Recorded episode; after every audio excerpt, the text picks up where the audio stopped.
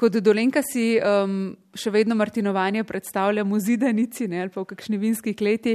Um, vi Martinovanje uspešno vozite tudi v center mesta. Kaj je pomembno za uspeh urbanega Martinovanja? Torej, pomembno je, da vinari pridejo iz vseh vinorodnih okolišov in pomembno je tudi, da se k vinu doda tudi kulinarika in to vedno bolj razvijamo. In seveda vse skupaj dopolniti tudi nekim kulturno-umetniškim utripom, kajti na Martinovanju se zapoje, zapleše in vse to je pomembno za eno tako urbano Martinovanje in to Ljubljanska vinska pot Martinovanja v Ljubljani dejansko ponuja. To Martinovanje um, se dogaja že kar nekaj let, ne? mislim, da je leto 14 ali 15 leto, uh, že po vrsti in pač mi vsa ta leta ustrajamo, um, ustrajamo tudi pri tej naši misiji, da dvigujemo kulturo uh, pitja vina. In ja, vino res vedno bolj in bolj postaja nekakšna pijača življenjskega sloga, vse vedno bolj je prisotno. Jaz osebno menim, da je vino medij, ki povezuje vedno ljudi, vedno, ljudi, vedno zelo zanimive ljudi. In um, to gre nam kot organizatorjem vinsko-kulinaričnih preditev zelo na roko. Uh, Um, to so prepoznali tudi um, ponudniki, ki jih je letos kar precej več kot recimo lani. Um, okoli 100 stojnic, se pravi, če dalje več ponudnikov. Um, zakaj po vašem takšno zanimanje um, in kaj dobijo ponudniki, kaj ti um, vinari načeloma um, ponujajo vsaj vzorčke vina brezplačno? Ne? Tisti vinari, ki so se prilagodili, ki znajo pristopiti obiskovalcem, ki mu znajo predstaviti vino, ki mu znajo tudi primerno ponuditi, vse ob primerni ceni, imajo tudi, bom rekel, ta drugi moment pokrit, ne, torej prodaja je tista, ki jih eh, tudi pritegne, da jih je vedno več na Martinovanju in pa na Ljubljanski vinski poti nasploh.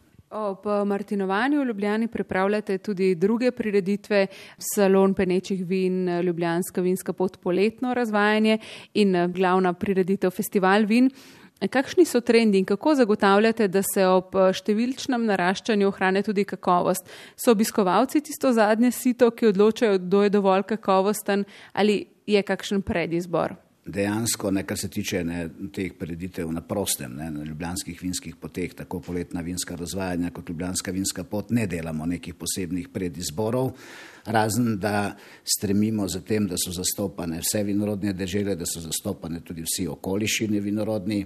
Eh, kar se tiče pa drugih preditev, nekatere nadaljujemo 25. in 26. novembra, ne bom rekel, z najstarejšo preditvijo slovenskim festivalom vin, tam pa seveda uh, je filtracija, ne? tam vendarle gre za povabljene vinarje, ne? torej mi ne pošiljamo javnih pozivov, ne? javnih razpisov in tako naprej, ampak, eh, bom rekel, izberemo določeno število vinarjev in mislim, da jih vse skupaj ne, v letu okoli 280 povabimo. Ne gre pa tukaj za neko posebno strokovno ocenjevanje izbora, ampak nekako se je že skozi teh 19 let izoblikovalo stališče, da vinari prihajajo na festival dejansko predstaviti tisto najboljše, kar imajo, ne, med drugim tudi novosti, med drugim tudi prve polnitve določenega letnika, ne, redno predstavijo na festivalu in takrat začnejo z trženjem svojih vin. Nekako se če dalje bolj uveljavlja prepričanje, da se vsi um, spoznamo na vino oziroma da se vsak lahko zase odloči, kaj se mu najbolj uh, prileže, kaj najbolj sodi k določeni jedi. Um, se vam zdi, da se je morda ta miselnost že nekoliko preveč razpasla, da je vseeno fino, da uh, vprašamo tudi koga, ki se spozna bolj, recimo od nas med sprehajanjem po teh stojnicah? No, sej, taka miselnost je mogoče malo v naravi nas slovencev, pa vendar.